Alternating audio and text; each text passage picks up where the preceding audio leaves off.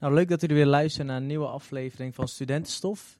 Dit is een bonusaflevering uh, in het kader van ASFA Lustrum 75 jaar plus 1. Want vorig jaar zou eigenlijk de Lustrum zijn, maar door corona is dat niet doorgegaan. Maar we zetten dit dit jaar gewoon door. En ik ben uh, vandaag in Zwolle. En inderdaad, ik ben een keer buiten de ring. En jullie zullen misschien wel denken, wat doet uh, Halil in Zwolle? Of wat doet ASFA in Zwolle? Want ik zit hier met niemand minder dan Clemens Sandman. En Clemens mag zichzelf even voorstellen. Nou, nou even. Ik uh, vind het erg leuk om dit uh, mee te maken. Ik heb namelijk in het bestuur van de, de ASFA, wij zeggen altijd de ASFA, gezeten van 1964 tot 1965. En uh, dat was een overgangsjaar. het ging van de oude corporale verenigingssfeer naar een moderne soort vakbeweging eigenlijk van uh, pure belangenbehartiging naar actieve pressie. En uh, dat begon eigenlijk al eerder en dat culmineerde zo'n beetje bij de maag maagdenhuisbezetting. En die periode van 1961, want toen kwam ik aan, en 1968 studeerde ik af, was dus eigenlijk de periode in Amsterdam waarin er buitengewoon veel gebeurde. En daar zat ik in het jaar 1964, 65 helemaal middenin. Nou. Om even voor te stellen, ik ben geboren in 1941, dus ik ben echt een oude knakker. Ik heb uh, economische wetenschappen gestudeerd. Ik heb daarna gewerkt bij een aantal grote bedrijven als Unilever, Wolters Kluwer, bij een Duitse uitgeverij in Frankfurt en Keulen. En de laatste jaren was ik directeur bij een outplacement en coachingsbureau en ik woon in Zwolle. Ja, een super interessante spreker, uh, beste luisteraars. Want ik zit hier met de penningenmeester van uh, ASFA in 64, 65. Zoals hij al vertelde, is het een overgangsjaar van ASFA geweest. Hij kan ons echt alles vertellen over ASFA. Nou, niet alles, maar wel heel veel. Want de overgangsjaar is een heel belangrijk jaar geweest uh, voor ASFA. En uh, ik heb het al uh, voor de aflevering heb ik kort over gehad met Clemens. Over de onderwerpen die nog steeds, um, ja, eigenlijk nog steeds niet opgelost zijn. Of in ieder geval waar nog geen structureel beleid voor is. Laten we dan meteen beginnen met, uh, met de Kamernoot in Amsterdam, Clemens. Ja. Um, hoe was ja. dat eigenlijk in jouw tijd? Nou, een van de allerbelangrijkste activiteiten van de of eigenlijk de allerbelangrijkste activiteit van de ASFA, was met name de kamervoorziening. Als je aankwam, en ik kwam in 1961 aan, dan vroegen ze, je wilde toch een kamer? Nou, dan word je lid van de ASFA. Want die hadden een kamerbureau en deden heel erg veel aan de kamernood. Ik, uh, dus een, een kamerbureau, je ging dus naar het kantoor van de ASFA en daar was een overzicht van kamers die je kon huren. En dat was natuurlijk je eerste stap naar de ASFA. En iedereen, tenzij je een grote suffert was, werd lid van de ASFA. Het is eigenlijk een studentenmakelaar die uh, overzicht had van alle beschikbare ruimtes, Absoluut. kamers in Amsterdam. Ja, ja. En die kamers die kwamen natuurlijk niet vanzelf. En wij als ASFA-bestuur deden dus ook ontzettend ons best om zoveel mogelijk die kamernood te lenigen. En ik heb hier voor mij ook, uh, elk jaar werd een grote een kameractie genomen. En ik heb hier dus een, folder van de kameractie 1965. Waarin wij dus een actie opzetten. We hadden ook een aparte actiecommissaris in ons bestuur. Dat, uh, dat er niet om loog. Dat begon met, uh, met een heel programma waarbij we ook nog, ook niet alleen het zelf deelden, maar de hele stad in beweging zetten. En ik weet dat een van de eerste activiteiten deden we als bestuur deden, uh, dat was toen de Belmer. Beslissing om de Belmer te bouwen erdoor kwam in de gemeenteraad. En toen hebben wij als bestuur een felicitatie gestuurd, stel je voor als studenten, naar de gemeenteraad. Gefeliciteerd voor de Kamernood ten behoeve van de studenten, doordat er nou gebouwd gaat worden in de Bijlmer. Dat is allemaal niet zo helemaal uitgekomen, maar zo waren wij daarmee bezig. En ik zie hier bijvoorbeeld dat we dus afschriften sturen ook aan zijn excellentie de minister van Onderwijs en Wetenschappen. En we hebben een activiteiten, een hele lijst hier van allemaal dingen die we dus daarvoor opzetten. Ja. En om eens wat te noemen, het begint met. We hadden dus een actie van 13 tot en met 28 september 1965. 1. 1500 aankomende studenten, kandidaatleden van alle gezelligheidsverenigingen enzovoort, hebben huis aan huis geïnformeerd of er een kamer voor een student beschikbaar was. Bijna geheel Amsterdam werd onderzocht. 1500 studenten deden eraan mee. 20.000 kameractiekranten werden uitgereikt. Ik praat dus nu over 50 jaar geleden. Toen waren 800 raamreclames in trams en bussen. 1500 affiches door heel Amsterdam aangeplakt of opgehangen. In 18 Amsterdamse bioscopen werden reclameplaatjes vertoond gedurende een maand. Er werd een persconferentie belegd, waaraan de gehele dagbladpers en weekbladen acties stonden. Gedurende twee weken stonden op Amsterdamse pleinen in totaal vijf tenten die permanent bewoond werden. Sandwichman doorkruiste te voet en per fiets de stad. Polygoonjournaal filmde voor het Nederlandse nieuws enkele activiteiten in het kader van de actie. Voor de ASFA, niet voor die andere steden. Amsterdam liep voorop. Geen plaats in en om Amsterdam werd onbezocht gelaten. Per sleepboord werd Pampus en bevaren met het doel te onderzoeken of het eiland voor studentenbewoning geschikt was. Ik hoor dus dat, dat, dat in die tijd nog best wel actief. Best wel. Heel actief. Heel actief.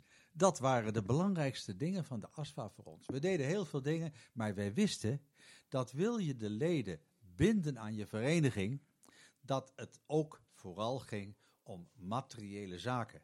En een van de belangrijkste materiële zaken voor studenten is huisvesting, daarna financiën, daarna reducties, daarna vervolgens studie, enzovoort, enzovoort. Maar eigenlijk wel in deze volgorde. Als ik dan jou een vraag mag stellen, Clemens, hoe denk je dat het nu is geregeld? De Kamernoot in Amsterdam? Uh, ja, ik zit er natuurlijk ver vanaf. Ik denk, ik weet niet welke acties de ASFA nu doet. Dat weet ik niet. Laten we zeggen, wat hoop je? Nou, ik denk dat deze acties allemaal nog buitengewoon goed zouden werken, ook als je het nu doet. Ja. Ik denk ook dat je het zelf moet doen. Ik denk niet dat je het moet overlaten aan... Uh, Woningcoöperaties? Ook dat? Nee, nee, want die hebben weer andere interesse. Er is er maar één die voor jezelf zorgt. Wat voor interesse, hebben, wat voor interesse hebben andere... Wat voor interesse heeft de woningcoöperatie als duo bijvoorbeeld? Nou ja, die zijn denk ik vooral voor hun eigen leden bezig. En niet voor studenten. Dus waarom zouden ze? Dat is ook bij politieke partijen. Politieke partijen zorgen vooral voor hun eigen leden. Dat kun je ook niet anders verwachten. Dus de ASFA moet het zelf doen. De ASFA staat voor alle studenten in Amsterdam. De ASFA stond toen zeker voor alle studenten in Amsterdam. En het is interessant, ik vond hier een overzichtje nog in mijn uh, documentatie. En, want we hebben, zijn eens gaan kijken van hoe lag dat nou in, Nederland, in, in, in, Duits, uh, in Amsterdam. In uh, 57, 1957 hadden er, waren er 6000 studenten in Amsterdam. 89% was lid van de ASFA. In 64, 65 waren er 10.000 studenten in Amsterdam. Dat is nogal een stijging. En 84% was lid van de ASFA. Dus wij waren buitengewoon belangrijk. Niet alleen voor de universiteit, maar voor de hele stad. Dus iedereen luisterde wel naar ons als wij als bestuur wat wilden. Was dat omdat jullie uh, het tekort van, uh, van studenten konden opvullen? Dus bijvoorbeeld kamertekort. Uh, jullie deden ook mee. of jullie zaten aan tafel, of ASFA zat aan tafel bij ministers. Ja. En, en bij, bij hoogleraren. ze konden niet om ons heen. Nee.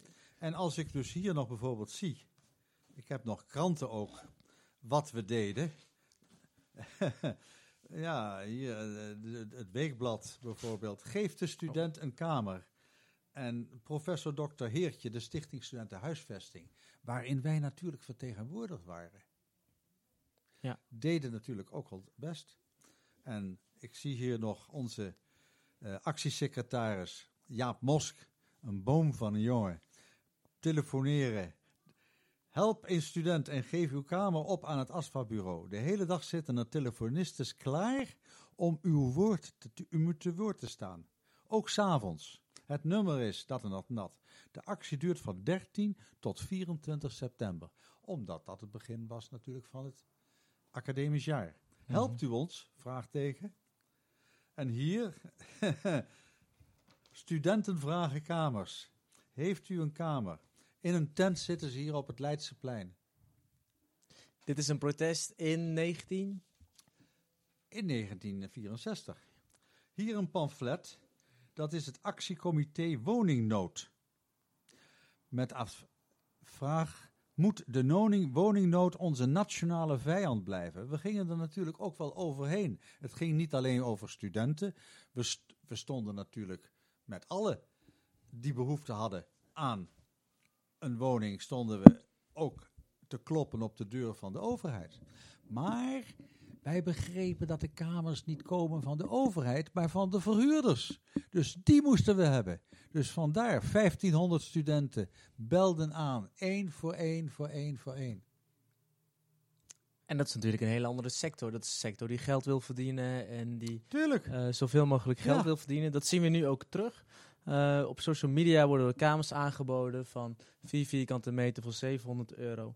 En uh, dat vinden wij als studenten nog steeds uh, belachelijk. Gelukkig is daar een puntenstelsel voor in het leven geroepen. En uh, kunnen studenten naar de huurcommissie stappen. Ja. Althans. Ja, dat kun je doen. Als daar nog uh, genoeg tijd voor is. Want volgens mij is de wachttijd voor een huurcommissie heel erg lang. Je kan ook bij uh, ASFA rechtshulp aankloppen. Daar zitten ook experts die jou in ieder geval kunnen helpen. Mocht je te veel huur betalen. Even een moment van ja. promotie. Nou, het is mooi um, dat je het over rechtshulp hebt. In ons jaar hebben we een ASFA-advocaat ingesteld. Die gratis, nota bene, gratis studenten hielp. Die had een spreekuur. Daar moest je je natuurlijk voor inschrijven. Maar dat was een initiatief, niet alleen voor studentenkamers, maar gewoon in zijn algemeenheid, om studenten te helpen met juridische problemen. Dat was een ontzettende aardige advocaat, ik herinner me nog. Die kwam gewoon, ja, omdat hij dat maatschappelijk ja, relevant vond, dat gratis voor ons doen. En het was een goede advocaat. Mooi, dat is echt een, goed, uh, een goede side note om dat mee te nemen. Momenteel hebben wij een uh, jurist in spe die, uh, die rechtshulp oppakt met een vrijwilliger. Um, ja, laten we even een bruggetje slaan naar, um, ja, naar de studenten in die tijd als het gaat over studiefinanciering. Was, was uh, studeren in jouw tijd normaal? Was dat voor uh, iedereen weggelegd? Um, kon iedereen studeren? Hoe was het? Uh, wat was de bijdrage van, vanuit de overheid om studenten zoveel mogelijk naar scholen te krijgen? Ja.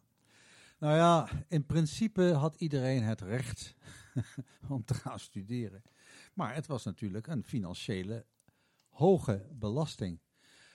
soms was het ook een psychologische belasting. Als je ouders geen niet gestudeerd hebben en ergens in een diepe Zuid eh, in Noord-Brabant woonden, dan was dat ook een geweldige stap. Dus het was zowel psychologisch als financieel een grote stap. Maar laten we het even bij het financiële houden. Uh, in, van 1961 tot 1968 is er in Nederland financieel heel veel veranderd. Ten goede. Dankzij, dankzij de aardgas. Dat moeten we niet vergeten. In 1961 werd de NAM geloof ik opgericht. In 1963 de Nederlandse Gasunie. En het geld stroomde met bakken Nederlands binnen. En men heeft toen ook onder meer een veel ruimhartiger beurzenstelsel opgezet. Daar hebben wij als ASFA, maar ik moet zeggen, eigenlijk alle studenten in Nederland, de Nederlandse Studentenraad, hebben eraan geholpen. En we hebben daar moet ik ook de studentenvakbeweging een pluim geven, zijn we op het idee gekomen het studieloon te propageren. Dat was een kreet die in die tijd opkwam. Dat wil zeggen, iedereen heeft recht op geld om te studeren. We zagen het als arbeid. En dat zou onafhankelijk zelfs zijn van of je vader nou veel of weinig geld had. Want er waren natuurlijk ook wel kloterige ouders die omwille van het geld hun ouders, hun kinderen, ja, uh, in een richting wilden duwen waar de kinderen niet naartoe wilden. Dus wij wilden een onafhankelijke, volledige financiering van de studenten. Nou, misschien was dat een brug te ver, maar er zijn forse stappen in die richting gesteld. Toen ik begon te studeren in 1961 was het mogelijk, mijn vader had zes kinderen, niet heel veel geld, wel wat geld, maar ik heb dus gevraagd om een bijdrage van de overheid en die heb ik ook vrij snel gekregen. Weet je nog hoeveel dat was? Dat was 200 gulden in de maand. Was dat veel voor die tijd? Nee, het was niet veel, maar je ging er ook niet dood aan. Het was bovendien een gedeelte van een renteloos voorschot en een gedeelte van een schenking. En dat bedrag dat ging, kon ook omhoog gaan naarmate je betere resultaten had. En gelukkig heb ik heel hard gewerkt voor mijn propjes en het tweede jaar kreeg ik wat meer geld en hoefde ik minder terug te betalen.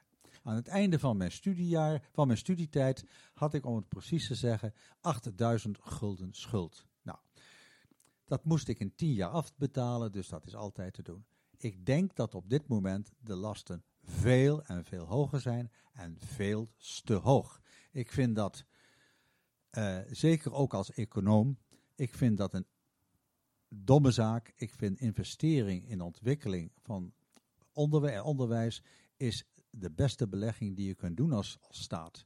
Dus belast niet alle beginnende studenten daarmee. Maak het makkelijk om te gaan studeren. Dat geld krijg je als staat absoluut terug. Via de belasting natuurlijk. Nou, daar heb ik ook voldoende aan bijgedragen daarna. Duidelijke statement van, uh, van Clemens. Nog even terug naar dat uh, punt wat je zei van... Uh, als je goed kan leren, dan kreeg je ook meer geld van de overheid. Nee, als je goede resultaten had. En dat ging om studiepunten? Of, je, had geluk, je had gelukkig geen studiepunten. Ik vind dat een systeem, daar hou ik niet zo van, laat ik het dan zo zeggen. Maar het was zo dat ik had mijn propjes deed ik keurig na één jaar. En ik had een goede uitslag voor mijn propjes. En je had in die tijd, had je, werden de studentendecanen ingevoerd. Dat waren personen aan de universiteit die voor de student stonden. Dus niet achter de student om te duwen, maar die hielpen de studenten. En we hadden een bijzondere goeie in Amsterdam, mevrouw D.D. Volgraaf. Dat was een buitengewoon aardige mevrouw. En daar ging je dan op bezoek. En die vroeg hoe het met je ging. En, enzovoort, enzovoort. En die hielp je als je geld nodig had. Maar ik moet ook zeggen dat ik wilde niet al te veel schulden maken. Dus wat deed ik? Als ik een tentamen deed, dan ging ik daarna wel werken. En daar hielp de ASFA ook weer bij. Want een ASFA had via de Civitas hadden ze een arbeidsbemiddelingsbureau waar je dus baantjes kon krijgen voor twee weken. En dan had ik weer geld en dan kon ik weer even vooruit. En ik heb in het tweede jaar van mijn studie, aan het einde daarvan, heb ik een, in de zomer gewerkt als reisleider. En toen stroomde het geld helemaal binnen. Dus je kunt er ook wel zelf iets aan doen. Daar word je ook niet dommer van. Was, was dat ook de tijd dat de opkomst van de studenten uit de middenklasse? Ja, absoluut. Ja, en de lagere klasse natuurlijk. Nee, met name de lagere klasse. Want de middenklasse heeft altijd gewel gezien dat je op die manier hoger opkomt. En ja, het was natuurlijk in die tijd toen ik begon nog zo dat de man in Nederland de kostwinner was. En dat is eigenlijk nog zo. Met vrouwen lag dat ietsje anders. Uh, wij hebben in Nederland geen traditie van werkende vrouwen zoals ze dat in Engeland, Frankrijk, Duitsland of Italië hebben. Het was niet normaal dat meisjes gingen studeren, helemaal niet. Die kregen wel een opleiding zoals schroefers, die werden secretaressen, of ze deden een MO-opleiding, maar alleen, eigenlijk alleen hele slimme vrouwen, meisjes, of, eh, ja, of meisjes van, waarvan de ouders dachten van nou, die laten we maar studeren en we hebben geld genoeg. En dan vinden ze wel een aardige student die medicijnen studeert of weet ik van wat. Ja, die, die gingen studeren. Dus dat, dat was wel een verschil. Dus er werd onderscheid gemaakt tussen man en vrouw in die tijd? Ja, absoluut. Werd er ook onderscheid gemaakt tussen bevolkingsgroepen of uh, voelde iedereen zich wel welkom bij Alsva? Hoe, hoe bedoel je bevolkingsgroepen? Nou ja, ehm, de migranten in die tijd, of studeerden die in die tijd minder, of uh, de Spanjaarden, de Joden? nou, ik herinner, me, ik herinner me dat in mijn eerste jaar er bijvoorbeeld Hongaarse vluchtelingen uit 1956 zaten. Die waren, dat was, uiteraard moest je nog wel slim zijn, maar die studeerden dus. En En hoe werd daar naar, naar gekeken? nou, leuk, Ja. fijn, goed, prima. Eh, in zijn algemeenheid stonden we juist open in die tijd voor buitenlandse invloeden. Eh, Nederland ging behoorlijk open. Je moet je ook voorstellen dat we net het trauma hadden van het verlies van Nederlands-Indië en Nieuw-Guinea. Dat had Luns niet zo slim uitgeonderhandeld. En we werden ook toen meegenomen in Europa. Ik zelf had het gevoel dat de, luiken in die jaren buitengewoon open werden gezet. En dat vreemd niet xenofoon werd, maar dat het juist ja, eh, werd, werd bevorderd. Nou ja, ehm ASFA was, was natuurlijk een eenheid in die tijd. En ehm, Nou, dat was niet zo. Nee, nee. We hadden wel heel duidelijk in die tijd een standenmaatschappij, een klassenmaatschappij. Je had de corpora, die waren heel op zichzelf. Dan had je de katholieke corpora, zoals Thomas. Want we hadden dus alles in die tijd nog verdeeld via de godsdiensten. De katholieke voetbalclub, eh, de protestantse schaakvereniging, enzovoort, enzovoort. bestaan nog steeds. En het zou best kunnen zijn dat het nog bestaat, maar er was wel degelijk een hokjesgeest. Die werd in de zestiger jaren totaal afgebroken. Verdween toen de eenheid? Of nam dat juist alleen toe? Ik denk dat de eenheid juist wel toenam. Oh ja, oh ja. Ik denk dat de eenheid wel toenam. Maar als ik dan lees, eh, eh, eh, wat ik in het boek van Bevrijding en Bezetting lees, van Jos Dogman en Oscar Steens, is dat door de opkomst van de middenklasse juist de eenheid verdween. Ehm, maar je hebt dat dus niet zo gezien. Ik heb het helemaal niet zo gezien. In mijn bestuur, als ik zo terugkijk, maar ook in de ledenraad, eh, daar waren, daar, daar waren juist vogels van hele verschillende pluimage. Wat er wel gebeurde, en dat startte in mijn jaar, en dat culmineerde toch ook wel in 68, is dat de politieke partijen mee gingen draaien. Eh, het was zo dat, ehm, ik denk in 62, 63, werd de studentenvakbeweging opgericht in Nijmegen door Tonrecht 10. Nou, Nijmegen was geen goede voedingsbodem daarvoor, die kwam naar Amsterdam. Daar kreeg hij allemaal medestanders en de studentenvakbeweging wilde de hele club van gezelligheidsvereniging oprollen en die wilde daar een echte vakbeweging van maken. Daar was niet iedereen het mee eens, maar een heleboel mensen in Amsterdam wel. En daardoor konden er een heleboel dingen gebeuren. En veel meer eenheid en actie. Dat lukte. En eh, daarna kreeg je natuurlijk ja, toch wel weer verschillen. Sommigen trokken zich terug op hun oude vestingen. Maar de vakbeweging overroelde dat allemaal. En toen vonden de politieke partijen, met name de CPN en de PSP, het interessant Zijn dat de linkse of de rechtse de partijen? linkse, de linkse. De linkse partijen vonden het interessant om daarin actief mee te gaan. In die tijd speelde er internationaal natuurlijk ook heel veel. Het was de tijd van Vietnam, het was de tijd van Zuid-Afrika, het was de tijd van de koloniale bevrijdingen van Angola. En wij maakten als ASFA daar ook allemaal teach-ins over. En we deden daar heel, heel veel aan. Dat deden we met onze vrienden in Moskou en Cuba. En ik heb ook verslagen nog van het bezoek van de voorzitter van de ASFA in een congres. Even kijken. Oh ja, hier het chronologisch reisverslag Cuba. Verslag van 24 studenten naar Cuba in 1965. Nou, dat ging natuurlijk eh, echt om de linkse zaak. En dan heb ik hier het verslag door de ASFA-voorzitter van het internationale studentenkamp in Novi Sad, Polen, 1965. Enzovoort, enzovoort. En Sietse Bosga kwam regelmatig bij ons op bezoek. Wat we ook deden in het politieke vlak, was het Provo steunen. Dat was natuurlijk een typisch Amsterdamse st- En ik herinner me hoe leuk of het was. En ik vond het buitengewoon interessant. Hoewel ik helemaal niet zo direct in dat politieke gedoe verweven was, zeker ook niet als penningmeester. Dat de voorzitter van de Provo, uh, Bernard de Vries, trouwde vanuit ons kantoor in het wit gekleed op een witte fiets met een mevrouw in het wit achterop. Dat vond ik erg leuk. En al deze initiatieven maakten dat er leven kwam in het geheel. Dat, het, dat de oude ja, instituties ter vrage werden gesteld. En dat we hoopten allemaal dat er betere dingen voor terugkwamen. En aan de ene kant vroegen we meneer Van Hal, uh, de burgemeester van Amsterdam, om steun bij de Kameractie. Aan de andere kant, nou ja, vonden we het ook niet erg als de regenten zo nu en dan lik op stuk krijgen. Niet dat ze zo agressief behandeld moesten worden als daarna gebeurt, maar wel dat we christisch moesten zijn en dat we, nou ja, uh, die dingen wilden bereiken die voor onze studenten, want daar stonden wij voor als ASPA, voor onze studenten belangrijk waren.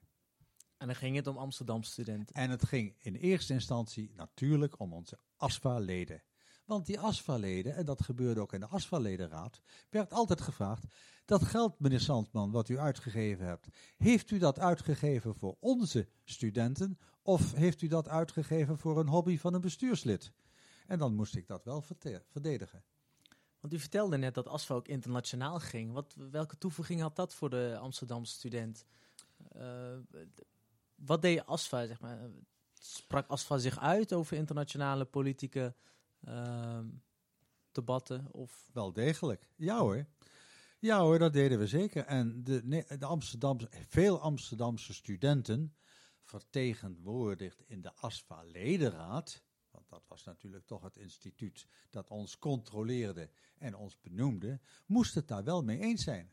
En als die zei van, ja, moet u eens luisteren, meneer Sandman, uh, of, of bestuur. Uh, we vinden dat de reducties de laatste tijd toch erg teruglepen en u zou daar meer, maar meer aandacht aan moeten geven, dan moesten wij dat wel doen.